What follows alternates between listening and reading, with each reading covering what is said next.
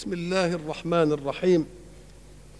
الحمد لله رب العالمين. والصلاة والسلام على أشرف المرسلين وخاتم النبيين ورحمة الله للعالمين سيدنا محمد وعلى آله وصحبه أجمعين. وبعد فقد وقفنا في اللقاء السابق عند تفسير معنى السبيل وقلنا إنه الطريق الموصل للغاية والغاية يجب أن تحدد قبل أن يحدد السبيل. وتعب الناس في دنياهم أنهم يقصرون غاياتهم على الغايات القريبة التي تفنى دون الغاية البعيدة الخالدة. وقلنا إن الحق سبحانه وتعالى حينما يعرض لنا قضية عقدية إيمانية يعلم أن أنسنا دائما بالمحسات فالكل يعلم الطريق والكل يعلم الغاية التي يصل إليها الطريق. والكل يعلم أن الغاية ما دام قد رسم لها طريق فانحرافك في أول الطريق على أي مستوى في الانحراف يؤدي بك إلى بعيد من الغاية. وقلنا إن رسول الله صلى الله عليه وسلم لفتنا إلى ذلك بما رواه سيدنا حذيفة رضي الله عنه حينما قال حدثنا رسول الله صلى الله عليه وسلم حديثين قد رأيت أحدهما وأنا أنتظر الآخر. حدثنا أن الأمانة نزلت في جزر قلوب الرجال يعني الإيمان فطري. ثم نزل القرآن فعلموا من القرآن وعلموا من السنة. علموا ماذا؟ علموا ما يريده الحق الذي آمنا به بفطرتنا. لأن الإيمان قصارى ما يعطيك أن وراء هذا الكون الدقيق المنظم الرتيب الذي لا يدخل تحت طاقتك ولا تحت قدرتك يسير على أحسن نظام. فيدلنا على أن وراء ذلك الكون قوة. هذه القوة تتصف بالقدرة تتصف بالعلم تتصف بالحكمة تتصف بكل صفات الكمال. ولكن أيعطيك فكرك وعقلك اسم هذه القوة؟ اسمها إيه؟ مش ممكن الاسم ينعرف بالعقل. أيعطيك مرادات هذه القوة؟ طب أنت عرفت القوة. طب تعرف مرادها إزاي؟ يبقى لازم يجي رسول بقى. لما دام يجي رسول يقول القوة التي تبحثون عنها والتي آمنتم بها إيمانا مجملا وهو أن وراء الكون قوة خالقة قادرة حكيمة عليمة اسمها الله. يبقى مين اللي يوضع مين اللي يقول لنا على الاسم؟ العقل. لا البلاغ. الايه؟ البلاغ. ويدينا كل صفاته بقى ويدينا طب ماذا تريد منا هذه القوة؟ تريد منك كيت وكيت وكيت. ولا تستطيع أنت أن تؤمن بما تريده القوة؟ بالعقل كده. ما يمكنش. يبقى لازم بلاغ ولا مش لازم بلاغ؟ يبقى لازم إيه؟ لازم بلاغ. ولذلك ده أقصر طريق بدون تعقيدات الفلسفة. وبدون تعقيدات المنطق وبعد وسفسطة الجدل اللي يثبت إن اللي بيعبد غير الإله ده ملوش حق. طب قول له اللي بيعبد الشمس دي هنسأله سؤال. الشمس دي اللي بتعبدوها ماذا طلبت منكم لتفعلوه؟ طب ماذا قالت لمن يعبدها أعددت له كذا؟ اللي ما يعبدهاش عملت له إيه؟ إله بلا منهج يبقى ما ينفعش يبقى إله. دي ولا يسيبنا إحنا نعمل الرسوم اللي إحنا عايزينها. نقول له لا. إله ملوش منهج. يقول اعمل كذا وافعل كذا ولا تفعل كذا ومن فعل كذا ادخل عملت له كذا واللي ما يفعلش كذا ادخلته كذا. يبقى ده إله. إنما الشمس قالت لك إيه؟ الحجر قال لك إيه؟ القمر قال لك إيه؟ ما عملش. يبقى اذا ما تنفعش تبقى آلهة دي. يبقى اذا وجود الرسل اللي يبلغوا عن الله دليل على صدق الدعوة. يبقى اذا الحق سبحانه وتعالى يعطينا اللي خلقه يعطينا إيمان بوجوده إنما بوجود قوة. اسمها إيه ما نعرفش؟ مطلوباتها إيه ما نعرفش؟ يبقى لازم يجي رسول ولا ما يجيش رسول؟ يجي رسول. اللي يقعد بقى يخبط بعقله من غير الرسول نقول له أنت هتتعب نفسك. ولن تصل إلى شيء. وضربنا قديما مثلا قلنا هب, هب أننا نجلس في غرفة. والباب مغلق. ثم دق الباب طرق طارق. كلنا نتفق في أن وراء الباب طارقا. خلاص؟ إنما إذا قلنا مين هو هنختلف. واحد يقول ده راجل واحد يقول لا ده امرأة واحد يقول ده عيل واحد يقول ده مش عارف ده واحد بشير ده واحد نذير ده واحد جايب لنا قهوة ده واحد جايب لنا الشاي ده واحد عايز يقبض علينا. هنختلف ولا لا؟ الله. إذا اتفقنا على أن طارقا بإيه؟ بالباب أهو هذا هو الكون. الكون وراءه قوة. لكن أنت ما تجيش بعقلك بقى وتقول القوة دي اسمها إيه ولا عايزة إيه. هتختلفوا. دعوا للقوة تقول عن نفسها. فحين ترسل القوة رسول يقول أنا اسم الله ومرادي كذا. يبقى حسم الخلاف ولا ما حسموش؟ يبقى اللي توه الفلاسفة إيه؟ أنهم لم يكتفوا بتعقل القوى التي خلقت الكون. وأرادوا أن يتصوروا القوة دي. إيه هي وعايزه؟ نقول له ما تنفعش بالعقل دي. دي تنفع بالبلاغ بس. دي تنفع؟ ويفضلوا تايهين وتعبين وتعبين نفسهم ولا يصلون فيها إلى إيه؟ إلى غاية. الرسول صلى الله عليه وسلم حينما حدث سيدنا حذيفة وقال نزلت الأمانة في جذر قلوب الرجال. شوف كلمة في جذر في الجذر قلوب الرجال. ثم إيه؟ علموا من القرآن وعلموا من السنة. علموا إيه؟ المرادات لله. ثم حدثنا أي رسول الله عن رفع الأمانة اللي في الجدر دي. شوف كلمة رفع الأمانة. قال ينام الرجل النومه معنى ينام النوم يعني يعني يغفل عن منهج ربنا زي السنتي النص سنتي بتاع السكة الحديد. حاجة بسيطة كده. الأول وبعدين كل ما يمشي فيها توسع ولا لأ؟ لحد ما تبقى قضيب مستقل ولا لأ؟ هي دي. ينام الرجل النوم فتقبض الأمانة من قلبه.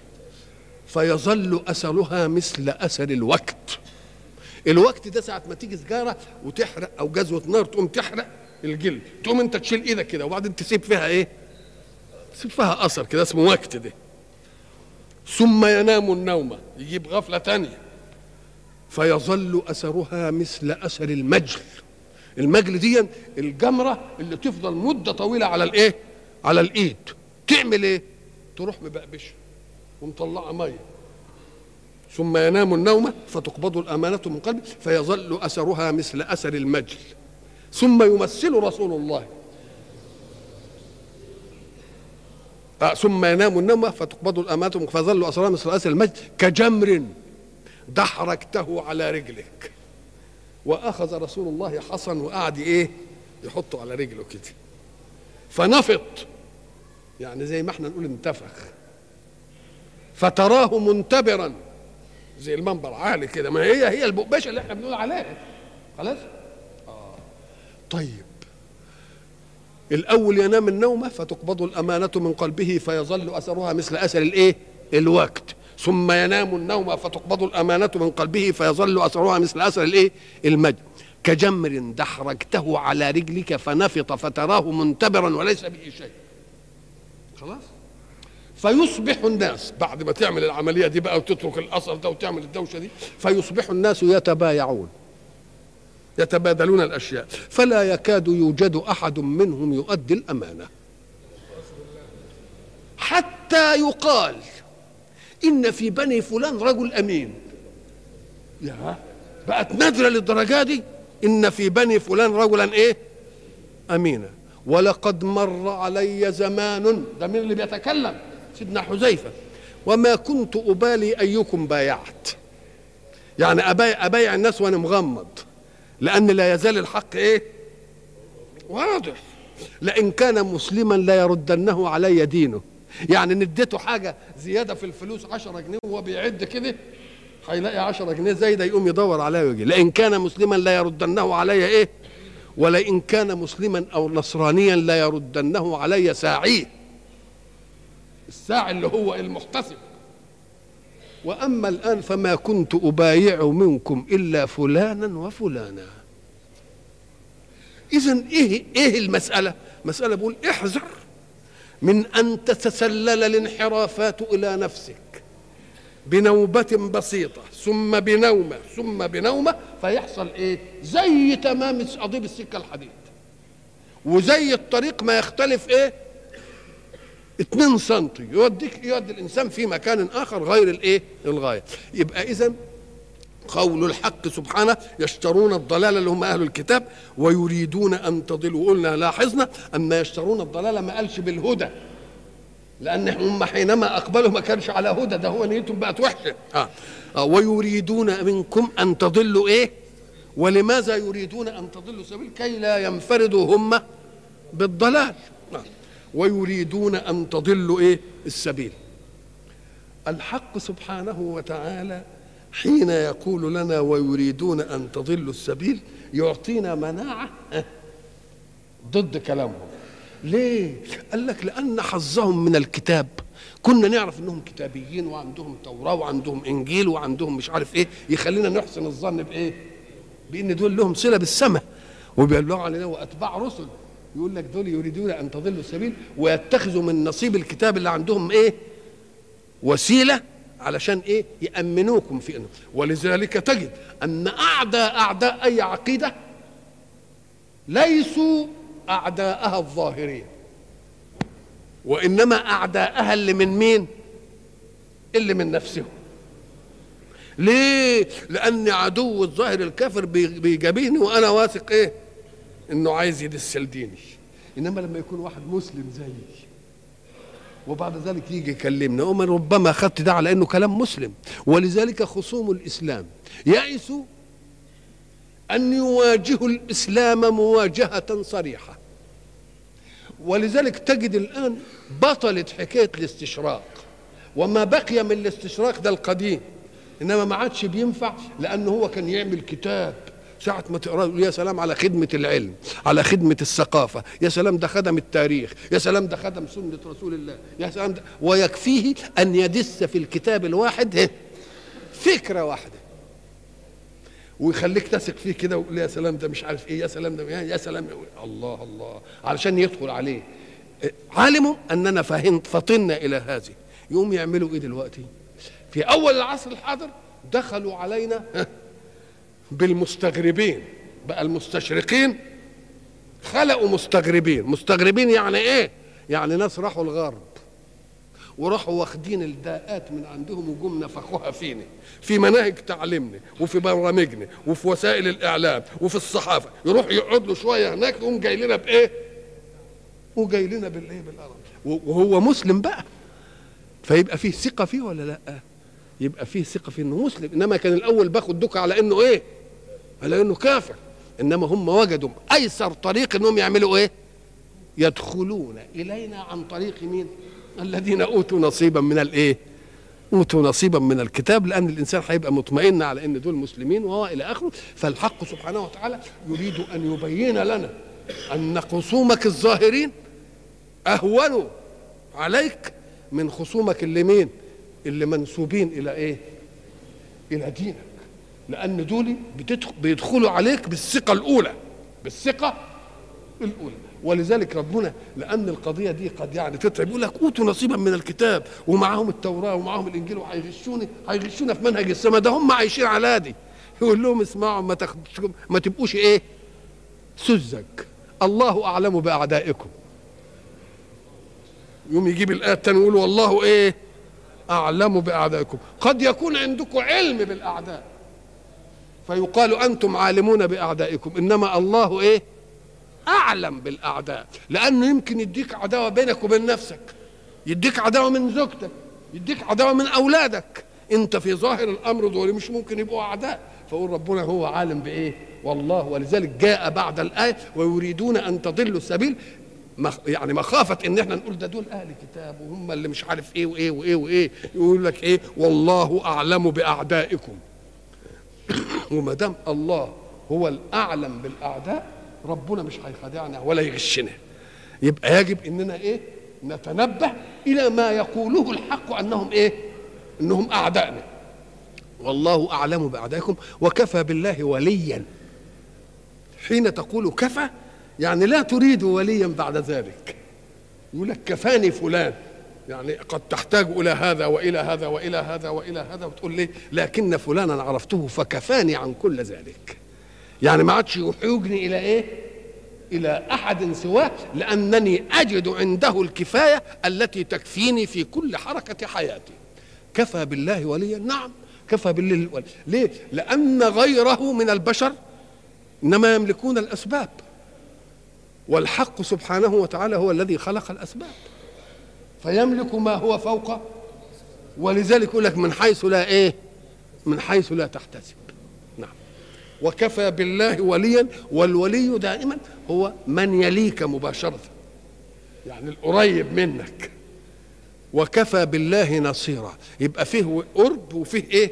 لأنه قد يكون قريبا منك ولا ينصرك. إنما الله ولي وإيه؟ ما دام المسألة مسألة معركة بقى. والله أعلم بأعدائكم وكفى بالله وليا وكفى بالله نصيرا. يعني إياكم أن تقولوا إننا نلتمس النصر عند أحد. اصنعوا ما في استطاعتكم أن تصنعوه ثم اتركوا بقية ما فوق الاستطاعة إلى مين؟ إلى الله. ولذلك الحق سبحانه وتعالى قال إياكم أن تتخذوا من أعدائكم أولياء. واوعوا تقولوا من اللي هنعمل إيه؟ ما إحنا ضعاف وعايزين ضروري نبقى في حمى حد ونبقى مش عارف إيه ونبقى في إيه. أمال هنعمل إيه في أعدائنا؟ يقول لك يا أخي ده ربنا علمني. أنا ننصركم بالرعب. ما عندكوش أسلحة؟ هنصركم بالرعب. وما دام انصركم بالرعب تبقى دي كافية عن ده لساعة ما ينصرني بالرعب يرمي عدو سلاحي وناخده العدو بتاعي يرمي إيه؟ ولذلك قال إيه اوعوا تقولوا كذا كذا وأسباب. أنتوا اعملوا اللي فوق إيه؟ ما استطعتم. ما قالش أعدوا لخصومكم ما تستطيعون به النصر قال لا أعدوا إيه؟ ما استطعتم. وبعدين تسيبوا المسائل على مين؟ عندي أنا. وهعلمكم بس علمة بسيطة. سألقي في قلوب الذين كفروا الرعب. طب ما دام ألقى في قلوب الذين كفروا الرعب يبقى وسائلهم كلها تبقى بتاعتي ولا لأ؟ تبقى بتاعتي خلاص وتنتهي المسألة. وكفى بالله وليا وكفى بالله نصيرا. ثم قال من الذين هادوا يحرفون الكلم عن مواضعه. نلاحظ إن الآيات من أول ألم تر إلى الذين أوتوا نصيبا من الكتاب؟ جاب ثلاث آيات مرة وأربع آيات بعدهم وخمس آيات بعدهم ثلاثة وأربعة سبعة. وخمسة 12 12 آية واحد جاية في مين؟ في اليهود. بعد إيه؟ بعد ما تكلم في سورة النساء عن الخلق الأول إنني خلقتكم من إيه؟ نفس واحدة اللي هي آدم. وبعدين خلقت منها إيه؟ زوج. وبعدين بثت منهم رجال كثير ونساء. خلاص؟ البث بتاع الرجال الكثير والنساء ده. علشان إيه؟ علشان نستديم الوجود الخلافي. وجود الخلافة يستديم. آه طيب ودي تبقى تيجي إزاي؟ أم قال لك أنا عايز بقى مجتمع قوي اوعى اليتيم يضيع فيكم. خلاص؟ وبعد ذلك ما دام أنا عايز استدامة هياخدوا نصيب يتكلم عن التركة. وبعدين يتكلم برضو عن السفهاء اللي عن ما يقدروش يقوموا على مالهم. وبعدين يتكلم عن إن نتجوز إزاي؟ الله. اذا كله بيعمل إيه العملية دي كلها؟ كله بيبني لنا نظام حياة متكامل. علشان الخلافة في الأرض تقتضي دوام هذه الخلافة بالتكاثر والتكاثر لا يؤدي حقيقته ومراده إلا إذا كان تكاثر أقوياء.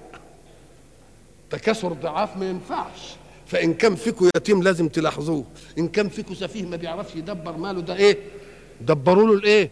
المال. اجتهدوا علشان أنتم تتركوا من حركة حياتكم للناس اللي يجوا بعدكم على ما تقوى نفوسهم على الحركة. فعمل إيه حكاية الميراث؟ إيه تزوجوا.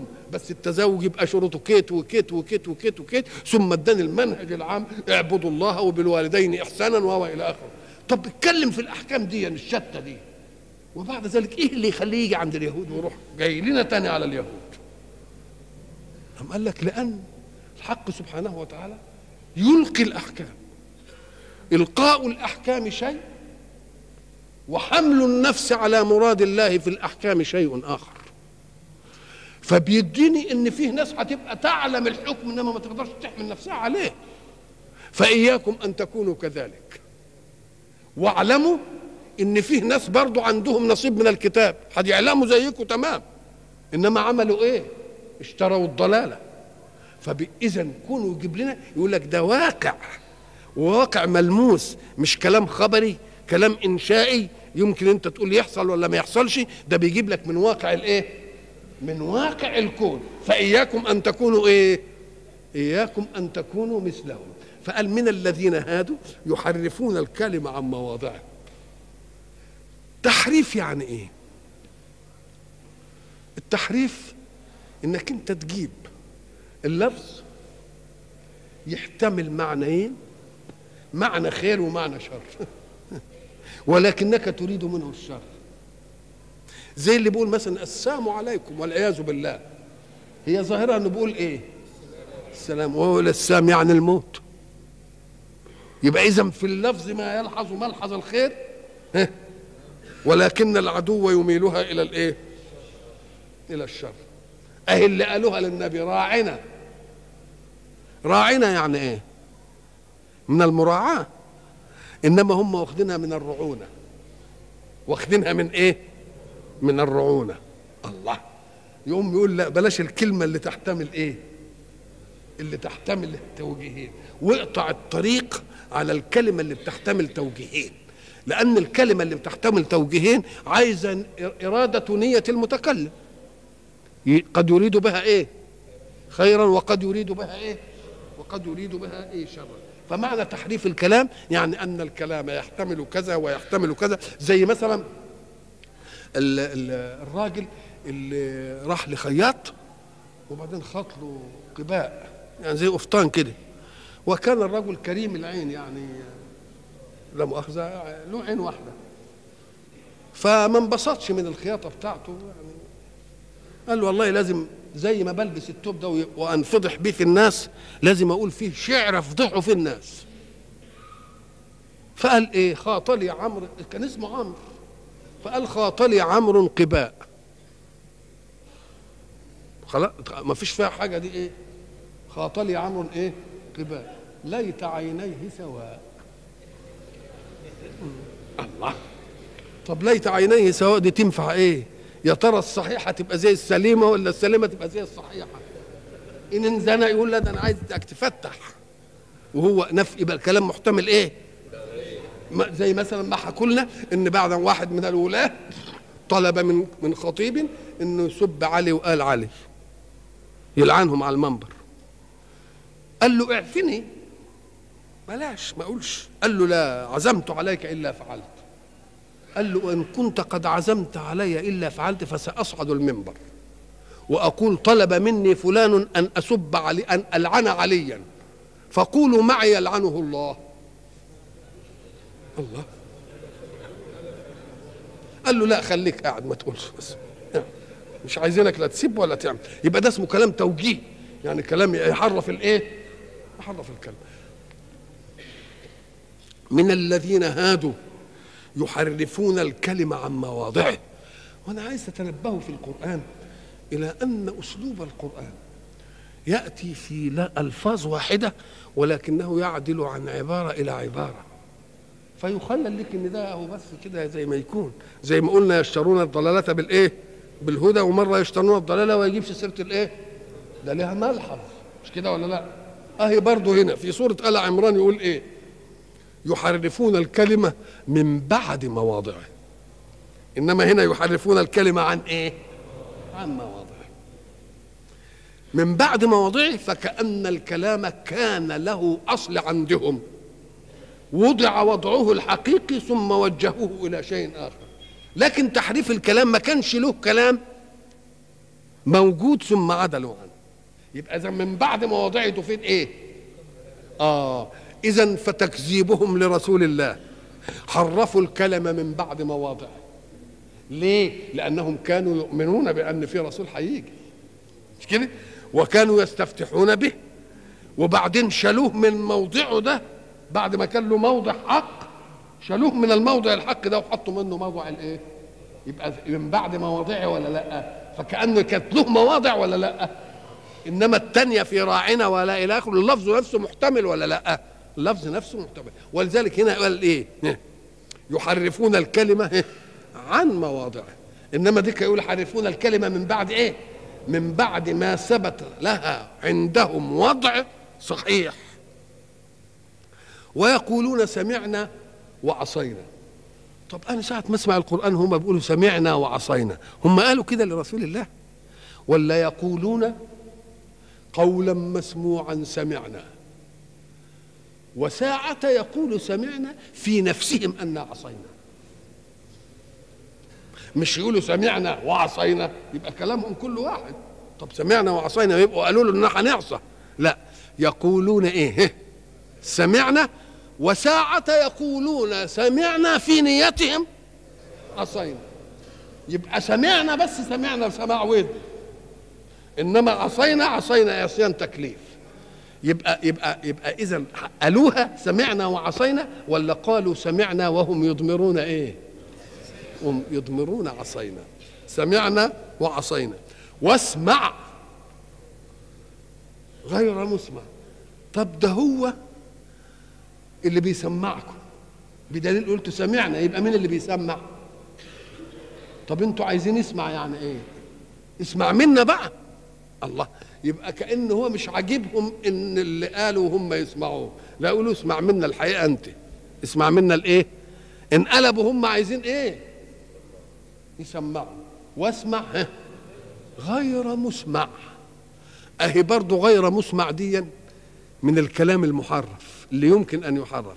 غير مسمع ما يسرك أو غير مسمع ما تكره. أو غير مسمع أي لا سمعت. اسمع ها.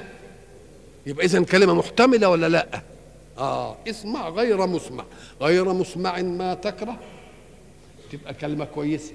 غير مسمع ما تحب تبقى كلمة وحشة. غير مسمع أي أصبت بصمم حين نتكلم لا سمعت تبقى كلمة. يبقى اذا الكلام إيه محتمل ولا لأ؟ مم. واسمع. وانظر طيب أسمع. ولو أنهم قالوا سمعنا ها؟ لأن السمع التوجيه مع إضمار مخالفته. يبقى السمع له قيمة إيه؟ قيمته إيه؟ يبقى قيمته أنه خداع. لسه لسه لسه لسه. قال ولو أنهم قالوا سمعنا وأطعنا ها؟ لسه جاي. نعم. واسمع غير مسمع وراعنا من الرعونة بقى. أم قال لك لا راعنا دي اللفظ ده سيبوه. لأنه إيه هياخدوا منه إيه زي ما قلنا؟ كلمة رعونة. وراعنا ليا بألسنتهم. اللي هو فتل الشيء. والفتل توجيه شقي الحبل اللي بتفتله عن الاستقامة. ال ال ال الشقين أدي أدي وده لو إحنا سيبناهم على الاستقامة يدوا قوة. امال بيعمل إيه؟ بيلوي يعني يعمل إيه؟ يفتله. ولذلك إحنا بنسميه إيه؟ فتل. الفتل ده هو اللي بيديله الايه القوة. وهم بيعملوا العمليات دي علشان إيه؟ بدو آه فاهمين إنها تدي إيه؟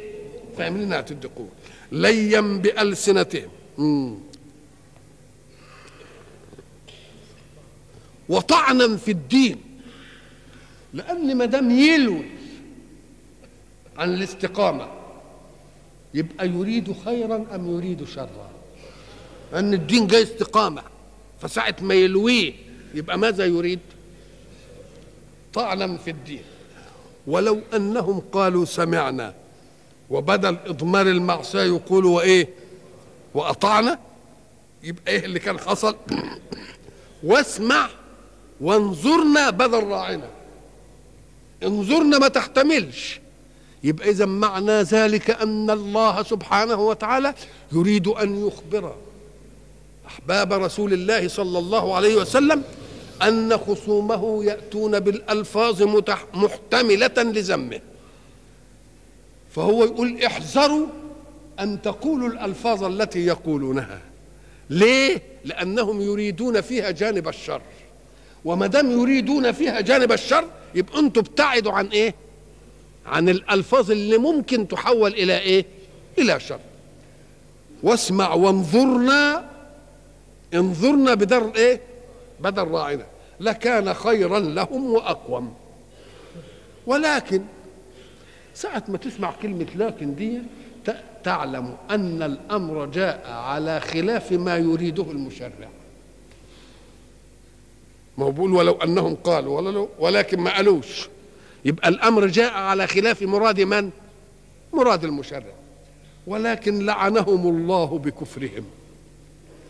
اللعن هو الطرد والإبعاد. طيب هل تجنى الله عليهم في أنه لعنهم وطردهم؟ لا ده لم يلعنهم إلا بسبب إيه؟ بسبب كفرهم. يبقى إذا ما فيش واحد يقول طب ما دام ربنا لعنهم وطردهم هم ذنبهم إيه؟ نقوم نقول له لا يا سيدي ده لعنهم بسبب إيه؟ يبقى لا اللي سبق إيه؟ اللي سبق الإيه؟ الكفر. يبقى اللعن والطرد نتيجة لمين؟ نتيجة للكفر. ولكن لعنهم الله بكفرهم فلا يؤمنون إلا قليلا. ساعة تسمع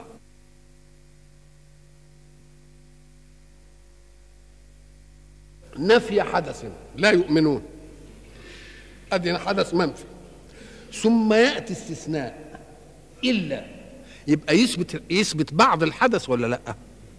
تقول إيه؟ لا يأكل إيه؟ إلا قليلا. لا يأكل إلا إيه؟ إلا كلمة لا يأكل نفت الأكل ولا لأ؟ وإلا قليل. أثبتت الإيه؟ آه. فهو قال فلا يؤمنون إلا قليلا.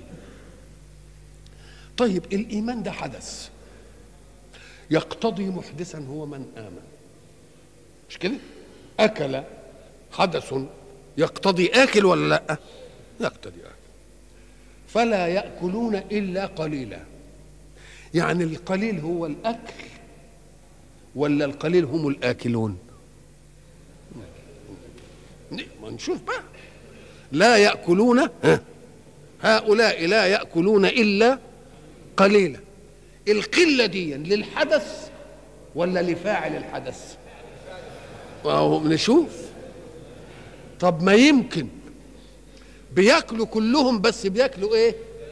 قليل. يبقى دي للحدث ولا لأ؟ مش كده؟ طب ما يمكن هو نفى الأكل عن الكل بس أثبت إن جماعة نزلوا على الأكل كلوه كله. يبقى مش للحدث بقى لفاعل الحدث. اذا فإن رأيت حدثا. منفيا يبقى عندي حدث وفي فاعل الايه؟ الحدث. فساعة تسمع استثناء تقول الاستثناء ده صالح أن يكون للحدث وصالح أن يكون لفاعل الحدث. كلمة فلا يؤمنون إلا قليلا. فلا يؤمنون إلا إيمانا قليلا. بأنهم يؤمنوا شوية بالصلاة وشوية مش عارف بس بأنهم ما يشتغلوش في يوم السبت و... إنما بقية الإيمان مش موجود. ولا فلا يؤمنون إلا قليلا منهم هو الذي يؤمن. تبقى تنفع ولا لأ؟ لأن لما يجي يقول لك نجد الاثنين صادقين الاثنين صادقين. بيؤمنوا ببعض الكتاب ويكفروا ببعض. يبقى إيمانهم قليل بإيه؟ الحدث نفسه مش كده؟ طب وفي ناس منهم لما جه رسول الله صلى الله عليه وسلم وتلا القرآن وقال مش عارف إيه وشافوا صورته ولقوه تمام زي ما وصف عنهم راحوا آمنوا ولا لأ؟ إنما هل آمن كل يهود؟ ولا آمن قليل منهم؟ زي مين مثلا؟ عبد الله بن سلام زي كعب الأحبار مش كده؟ إنما مثلا عبد الله بن سوريا آمن ما آمنش كعب بن أسد آمن؟ كعب بن الأشرف. آمن. الله. يبقى اذا إن أردت إلا إيمانا قليلا لأنهم كانوا يؤمنون ببعض الكتاب ويكفرون ببعض. ده أردت به الإيه؟ الاستثناء من الإيه؟ من الحدث. وإن أردت به است... الاستثناء من فاعل الحدث نقول ما هو صحيح؟ ما آمنش إلا أفراد إيه؟ أفراد قليل. كلمة دي كلمة فلا يؤمنون إلا قليلا إحنا قلنا زمان عليها ده تعبير من الحق سبحانه وتعالى آه بنسميه آه صيانة الاحتمال. صيانة إيه؟ الاحتمال. لأن ساعة ما بيقول القرآن كده مش من الجائز تمام. وده اللي حصل إن فيه ناس من, من اليهود بيفكروا في إنهم يؤمنوا. طيب لو كان بقى يقول ما بيؤمنوش يقوم اللي كانوا بيفكروا إنهم هيؤمنوا بيقولوا إيه؟ لا يقولوا ده مظلم قوي. إيه الحكاية؟ طب ما إحنا بنفكر ان هنؤمن أهو خلاص وهنعلن إيماننا. لكن لما أقول إلا قليلا يبقى اللي عنده فكرة الإيمان يعرف إن اللي بيخبر هذا الإخبار عالم بدقائق إيه؟ بدقائق نفوسهم. يبقى صان الاحتمال إن كان المخاطبون فيه بعضهم يفكروا في قضية مين؟ يفكروا في قضية الإيمان ودي سموها صيانة إيه؟ صيانة الاحتمال. يا أيها الذين أوتوا الكتاب آمنوا بما نزلنا مصدقا لما معكم. لأن التشريعات كلها اللي جاية من السماء هي فيها تضارب فيهاش تضارب. لأن ما دام المشرع واحد يبقى هيشرع النهارده شرع ويجي مع رسول تاني يشرع شرع جديد؟ لا. أصول الأديان كلها جاء بها ركب الرسالات كلها واحدة. لكن بعض الأحكام التي تتطلبها ظروف العصور هي اللي بتختلف بس. وفي التشريع الواحد الأحكام بتتطور ولا لأ؟ لأن ما يتعلق بالعادات ما كان الله سبحانه وتعالى الرحيم بعباده إنه يجي لمسألة من المسائل تعرض الناس فيها لعادة فتمكنت منهم العادة وأصبحت تقودهم إلى أن يفعلوا ثم يأتي لينهيها بكلمة. العقيدة قلنا كلمة واحدة وانتهت المسألة. إنما المسائل اللي بتحتاج إلى إيه؟ إلى التعود دي. يتلطف في أن إيه؟ يخرجها خروجا ميسورا. بمعنى يعملها مرحليات. مرحليات علشان ما يعملش فجوة الانتقال. فجوة الانتقال معناها إيه؟ زي إحنا كده زي ما يكون واحد بيشرب سجاير. وبيشرب له في اليوم 100 سيجارة. نقوم لما نيجي نقول له ما تشربش على طول كده نعمل عنده إيه؟ فجوة انتقال واسعة. إنما نقول له خلوهم خمسين. يبقى اذا إحنا وزعنا بعض الزمن. يعني بعد ما كان ال سيجارة هنوزعهم على 15 ساعة. مثلا يبقى كل ساعة تعوز قد كده. يبقى بين السيجارة والسيجارة قد كده. نقول ما دام كان بين السيجارة والسيجارة آه عشر دقائق ولا نص ساعة نخليها إيه؟ نخليها ساعة يبقى وزعنا جزء الاعتياد وزعنا جزء الاعتياد فكذلك مرحليات الايه؟ مرحليات الأمور الاجتماعية التي تنشأ من من من إيه؟ من رتابة التعود. فالحق سبحانه وتعالى يا أيها الذين أوتوا الكتاب آمنوا بما نزلنا مصدقا لما معكم يعني ما جبناش حاجة جديدة بل كلها إيه؟ من اللي عندكم. طب يجي واحد يقول لك طب ما دام من اللي عندهم يبقى إيه لزومها ما دام من اللي عندكم يبقى إيه لزومها إيه؟ نقوم نقول له آه ما هي جدت أقضية في العصر لم تكن موجودة عندهم. يبقى اللي زاد إيه؟ معالجة الأقضيات التي جاءت جديدة. إنما أصل أصل الوجود القرآن الذي ينزل من السماء المعجزة التوحيد القضايا العقدية هو دي فيها خلاف؟ ما فيهاش خلاف. يا أيها الذين أوتوا الكتاب آمنوا.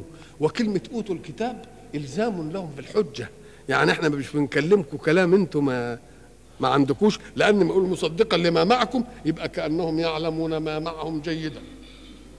فكان من الواجب أن يقارنوا ما جاء لهم من جديد على يد رسول الله صلى الله عليه وسلم وما عندهم. فإن وجدوه مصدقا لما عندهم يبقى انتهت المسألة. مصدقا لما معكم. شو التهديد بقى؟ من قبل أن نطمس وجوها فنردها على أدبارها. أو نلعنه كما لعنا أصحاب السبت. وكان أمرا مفعولا. وكان إيه؟ أمر الله مفعولا. الله.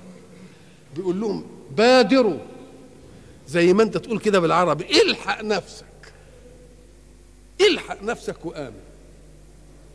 من قبل أن نطمس وجوها فنردها على أدبارها. طب الطمس هو إيه؟ ما هو الطمس؟ الطمس هو المحو. طمست الشيء انطمس يعني إيه؟ انمحى. بعد ما كان شيء مميز كده بقى إيه؟ انمحى. طب نطمس وجوه؟ آه كلمة وجوه وردت في القرآن بمعاني متعددة. تطلق مرة في البدن على ما يواجه اللي هو الوجه ده. بتاعنا ده في قوله يوم تبيض وجوه وتسود إيه؟ وجوه. طب تطلق مرة على القصد وعلى النية والوجهة لكل إيه؟ وجهة هو إيه؟ مولها بلى من أسلم وجهه لله. أسلم وجهه يعني قصده إيه؟ ونيته. يبقى مرة تطلق يطلق الوجه على مين؟ على المعروف ده اللي هو به الايه؟ المواجهة. ومرة يطلق على القصد. طب ودي إيه العلاقة بين القصد والنية والمراد والوجه ده؟ قال لك لأن الإنسان إذا قصد شيئا اتجه إليه بوجهه. مش له؟ مش كده ولا لا؟ يبقى إذا الوجه يطلق على الجارحة دي ويطلق على الإيه؟ على القصد والنية. طيب من قبل أن نطمس وجوها أم قال لك الوجه؟ ما دام يطلق إطلاقين هيطلق على الوجه المعروف ده ويطلق على القصد والنية التي تواجهها لتفعل. قال لك الاثنين يمشوا الاثنين؟ طب نطمس وجوه. أما قال لك أنا مكرمكم وعامل لكم سمات تميزكم جبهة شكلها كذا وحواجب وعينين ومناخير كويسة كده وفم ومش عارف إيه بحيث لو أردت إنك أنت تخلق الخلقة دي على أحسن منها ما تلاقيش. أنا أقدر أطمس هذه الوجوه ها والتميز اللي معاكم دي بحيث أردها إلى الأدبار يبقى زي قافه يبقى حتة لحمة كده.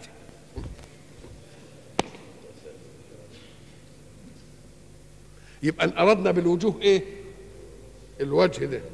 طب وإن أردنا بالوجه القصد نقول الله الذين يشترون الضلالة والذين يريدون أن يضلوا السبيل والذين يحرفون الكلمة عن مواضعه والذين يقولون إيه آه راعنا والذين يقولون اسمع غير مسمع مش لهم وجهة؟ وجهتهم في هذه العمل قصدهم إيه؟ إحنا بناخد المعنى الثاني قصدهم إيه؟ قصدهم؟ صرف أنفسهم وصرف الناس عن اتباع محمد. فكأنه بيقول لهم بادروا وآمنوا قبل أن نطمس ونمحو قصدكم في أن هذا الأمر لا يصل إلى منتهاه من الإيمان برسول الله. الحقوا نفسكم. ولذلك سيدنا عبد الله بن سلام لما سمع الآية ذهب إلى رسول الله ويأده على وجهه. قال والله لقد خفت قبل أن أسلم أن يطمس وجهي. الله ده يبقى دليل على أنه آمن بأن الذي قال هذا الكلام قادر على الإنفاذ. إن اللي قال الكلام ده قادر على أنه إيه؟ طيب وفي عهد سيدنا عمر كعب الأحبار ما راح له برضه وعمل إيده ما كانتش الآية بلغته. فلما بلغته ذهب إلى سيدنا عمر ووضع إيده على إيه؟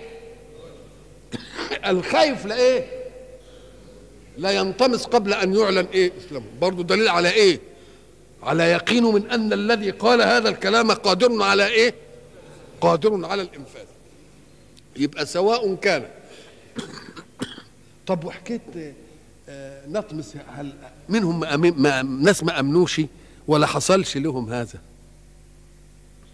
أم قال لك هو قال هنطمس مثلا الوجوه وما فيش حاجة تانية؟ أو نلعنهم كما لعنا أصحاب السبت. ويكفي إن فيه ناس اعتقدوا أن الطمس قد يجيء إيه؟ بمحو هذا بأنهم راحوا من أهل الكتاب ومن أحبارهم. ولذلك الذين آمنوا برسول الله من هؤلاء كانوا يعلمون كيد اليهود.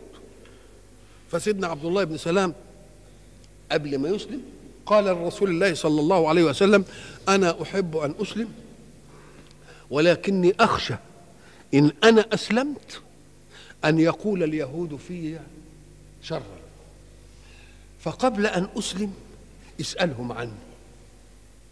فقال ما تقولون في ابن سلام عبد الله بن سلام؟ قالوا سيدنا وابن سيدنا وعالمنا وحبرنا وقعدوا بقى إيه؟ يمجدوه. أم هو لما سمع بقى منهم الكلام كده قال الآن أشهد أن لا إله إلا الله وأن محمد رسول الله. قالوا ده ابن كلب وابن صفة. أم قال يا رسول الله ألم أقل لك أنهم قوم بهت؟ هم قوم إيه؟ من قبل أن نطمس وجوها فنردها على أدبارها يبقى إن أردنا طمس الوجه حقيقة اللي خاف منه عبد الله بن سلام وخاف منه كعب الأحبار وراح لرسول الله ده وراح ده لعمر وماسك وجهه خايف لإيه؟ خايف ليه؟ يبقى نطمسها وجوها يعني نعملها زي الإيه؟ زي القفا تمام حتة لحمة كده من غير تمييز أو القصد الله الله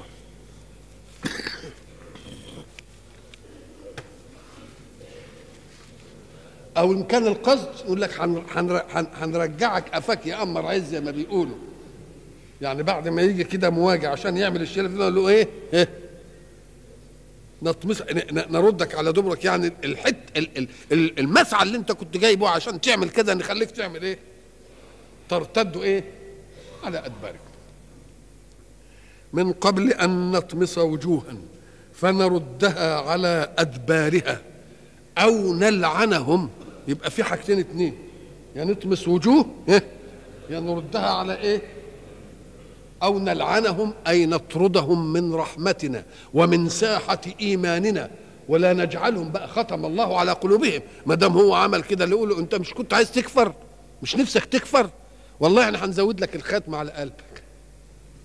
برضه هنعينك على الحكاية دي. ما هو في قلوبهم مرض فإيه؟ زادهم الله. مش أنت عايز دي؟ طيب يا سيدي نديك اللي في نفسك. نعم. فنردها على أدبارها أو نلعنهم كما لعنا أصحاب السبت.